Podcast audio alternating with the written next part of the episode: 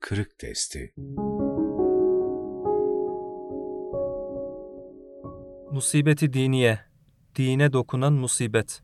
İmtihan dünyasında yaşayan insan, imtihanın gereği olarak musibetlere maruz kalır. Bu musibetlerin bir kısmı dünyaya bakar, bir kısmı ise dine. Dünyaya bakanı, insanın maddi ve dünyevi hayatını ilgilendirir. Dine bakanı ise manevi ve dini hayatını.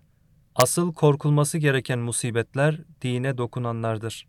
Peygamber Efendimiz sallallahu aleyhi ve sellem وَلَا تَجْعَلْ مُصِيبَتَنَا ف۪ي dinina Dinimize dokunacak musibete düçar bırakma bizi ya Rab diye dua etmiş ve aynı zamanda bize de Allah'a sığınmamız gereken asıl musibeti göstermiştir. Bediüzzaman Hazretleri de asıl musibet ve muzır musibet dine gelen musibettir. Musibeti diniyeden her vakit dergahı ilahiye iltica edip feryat etmek gerektir sözleriyle aynı hususa dikkatimizi çeker. Dünyevi musibetler Dünyevi musibetlerin bir kısmı insanın ferdi hayatını, bir kısmı ailevi hayatını, bir kısmı ise bütün bir toplumu etkiler. Mesela insanın işlerinin bozulması veya hastalıklara maruz kalması ferdi birer musibettir. Aile fertleri arasında yaşanan huzursuzluk ve geçimsizlikler ailevi birer musibettir. Deprem, sel, fırtına, kıtlık, kuraklık, salgın hastalık gibi can ve mal kayıplarına yol açan arzi ve semavi afetlerse toplumsal birer musibettir. Bunlar bir kısım dünyevi sıkıntı ve mahrumiyetlere yol açsa da sabır ve rızayla karşılandığı takdirde insanın günahlarına kefaret olur, derecesini artırır. Arzi ve semavi musibetlerin yanında bir de beşer eliyle gelen dünyevi musibetler vardır. Bugüne kadar insanlık kaç defa savaşların içine çekilmiş, kaç defa tiranların zulüm ve baskıları altında inim inim inlemiş, türlü ezalar, cefalar görmüştür. Günümüzde de dünyanın genel ahvaline bakacak olursanız, nice topluluk ve milletlerin ağır insan hakkı ihlalleri karşısında inim inim inlediğini görebilirsiniz. Bazen kendi içlerinden çıkan zalimlerin hırs ve tutkuları, bazen de uluslararası aktörlerin oynadığı türlü türlü oyunlar nicelerine dünyayı dar etmektedir. Asırlarca devletler muvazenesinde önemli bir denge unsuru olmuş ve alemi İslam'ı muhtemel bir kısım tehlikelerden koruma adına karakol vazifesi görmüş bir milletin, bugün perişan ve derbeder bir vaziyete düşmesinden daha büyük bir musibet mi olur? İsterseniz buna da musibeti milliye veya musibeti vataniye diyebilirsiniz. Elbette bir ferdin maruz kaldığı küçük bir musibetten, bütün bir milletin maruz kaldığı büyük musibetlere kadar bunların her birisi kendi çapında önem arz eder. Genellikle insanlar kendi maruz kaldıkları musibetlerden etkilenseler de engin gönüller geniş dairede meydana gelen musibetlerin acısını aynıyla kendi vicdanlarında da duyarlar.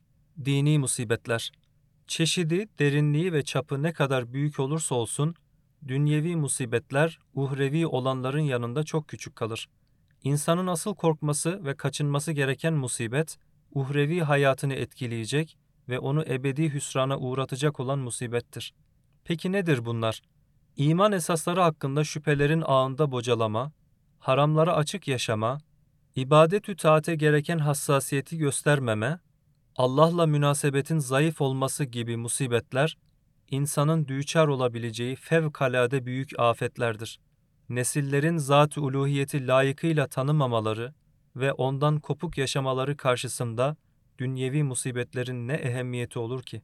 İnsanların Kur'an ve sünnetten uzaklaşarak farklı inanç sistemlerini ve bizim düşünce dünyamıza uzak ideolojileri benimsediği, ebedi hayatını kaybettirecek akımlara kapılıp gittiği bir yerde, kısacık dünya hayatına mal olan maddi musibetler çok küçük kalacaktır. Çok önemli simaların bile evrim teorisine mümaşatta bulunma adına Kur'an ve sünnet naslarını çarpıtması, heva ve heveslerine uyarak veya modern akımlara kapılarak dini hükümlerle oynaması, kendi değerlerinden şüphe etmesi ve komplekse kapılarak dinin izzetini koruyamaması, dini ve uhrevi hayatımıza musallat olmuş büyük birer felakettir. İşin daha da korkuncu, dine arız olan bu tür musibet ve felaketlerin yaygınlaşması ve şöyle veya böyle tüm Müslümanları etkisi altına almasıdır. Mesela yuva sağlam esaslar üzerine kurulmaz, mabet fonksiyonunu kaybeder, mektebe bütünüyle pozitivist ve materyalist telakkiler hakim olur, sokak olabildiğine kirlenir ve buralarda yetişen insanlar da ya bütünüyle dinden uzaklaşır ya da onu şekle kurban ederler. Allah korkusu kalplerden silinir gider ve insanlar ahiret yokmuş gibi yaşamaya başlarlar. Deizm, ateizm, agnostizizm gibi akımlar genç kuşaklar arasında yayılır. Dinci, irticacı ve yobaz gibi yaftalarla insanlar Allah'tan, peygamberden uzaklaştırılırlar. Bunların hepsi dine gelen birer musibet olarak görülebilir. Dine arız olan bu musibetler bir kısım dünyevi musibetleri de netice verir. Zira böyle bir durumda kapkaçlar, haramilikler, hırsızlıklar, yolsuzluklar, arsızlıklar toplumun tüm katmanlarına yayılır. Muslukların başını tutan insanlar, milletin malını hortumlar ve toplumun sırtından geçinir. İnsanların canlarını, ırzlarını ve mallarını korumakla görevli olan idarecilerin bizzat kendileri bunlar için bir tehdit olur. İnsanlar ideolojileri uğruna birbiriyle yaka paçı olurlar. Toplum içten içe tefessüh etmeye ve çürümeye başlar. Din ve diyaneti ağzına alanlar hemen irtica damgası yer, gericilikle suçlanır, türlü türlü baskı ve zulümlere maruz kalırlar. Dine musallat olan musibet ve felaketlerin en büyüklerinden biri yine Hazreti Pir'in ifadesiyle kurdun gövdenin içine girmesidir. İşte o zaman toplumun bünyesi buna dayanamaz. Çünkü kanını emen, damarlarını kesen düşmanını dost zanneder. Bu münafık ve iki yüzlüler sizin kisvenize bürünür, sizden biri gibi görünür, zaman zaman sizin gibi yazar çizer fakat bir taraftan da altınızı oyar. Hipnozla halkı uyuturlar. Algı operasyonlarıyla zihinleri istedikleri istikamete yönlendirirler. Söz ve yazılarıyla halkın fikirlerini etkiler, akı kara, karayı da ak gösterirler. Habis emellerine ulaşabilmek için şeytanın bile aklına gelmeyecek oyun ve hileleri kullanır ve bunlarla toplum içinde sürekli gerilim hasıl eder ve çatışmaları körüklerler. İşlerine gelmediği için nice zulüm ve haksızlıklar karşısında sessiz kalırlar. Fakat beri tarafta istedikleri algıyı oluşturabilmek için en küçük meseleler karşısında kıyamet koparır, Nuh tufanı yaşanıyor gibi feryat ederler. Hazreti Eyüp aleyhisselam bedenine musallat olan hastalıklar karşısında enni messeniye zurru ve ente erhamur rahimin. Ya Rabbi zarar bana dokundu ve sen erhamur rahiminsin diyor. Hazreti Yunus aleyhisselam balığın karnına düşünce şöyle niyaz ediyor. La ilahe illa ente subhaneke inni kuntu minaz zalimin. Senden başka hiçbir ilah yoktur. Sen bütün noksan sıfatlardan münezzehsin. Doğrusu ben kendi kendime zulmettim. Affını bekliyorum. Hazreti Eyüp ve Hazreti Yunus'un maruz kaldığı sıkıntıların ikisi de bir yönüyle musibeti dünyeviyedir. Onların dünyevi hayatlarını tehdit etmiştir. Eğer musibeti dünyeviye karşısında bu ölçüde tazarru ve niyazda bulunmak icap ediyorsa, musibeti diniye karşısında gece gündüz Allah'a yalvarıp yakarmamız, başımızı yere koyarak içimiz yırtılırcasına Cenab-ı Hakk'a tazarru ve niyazda bulunmamız gerekir. Dine gelen musibetlerin sadece ferdi dehalarla, diplomasiyle, firasetle, sevk ve idareyle halledilmesi çok zordur. Bu konuda Cenab-ı Hakk'a sığınılması ve kulluk adına liyakatin ortaya konulması gerekir.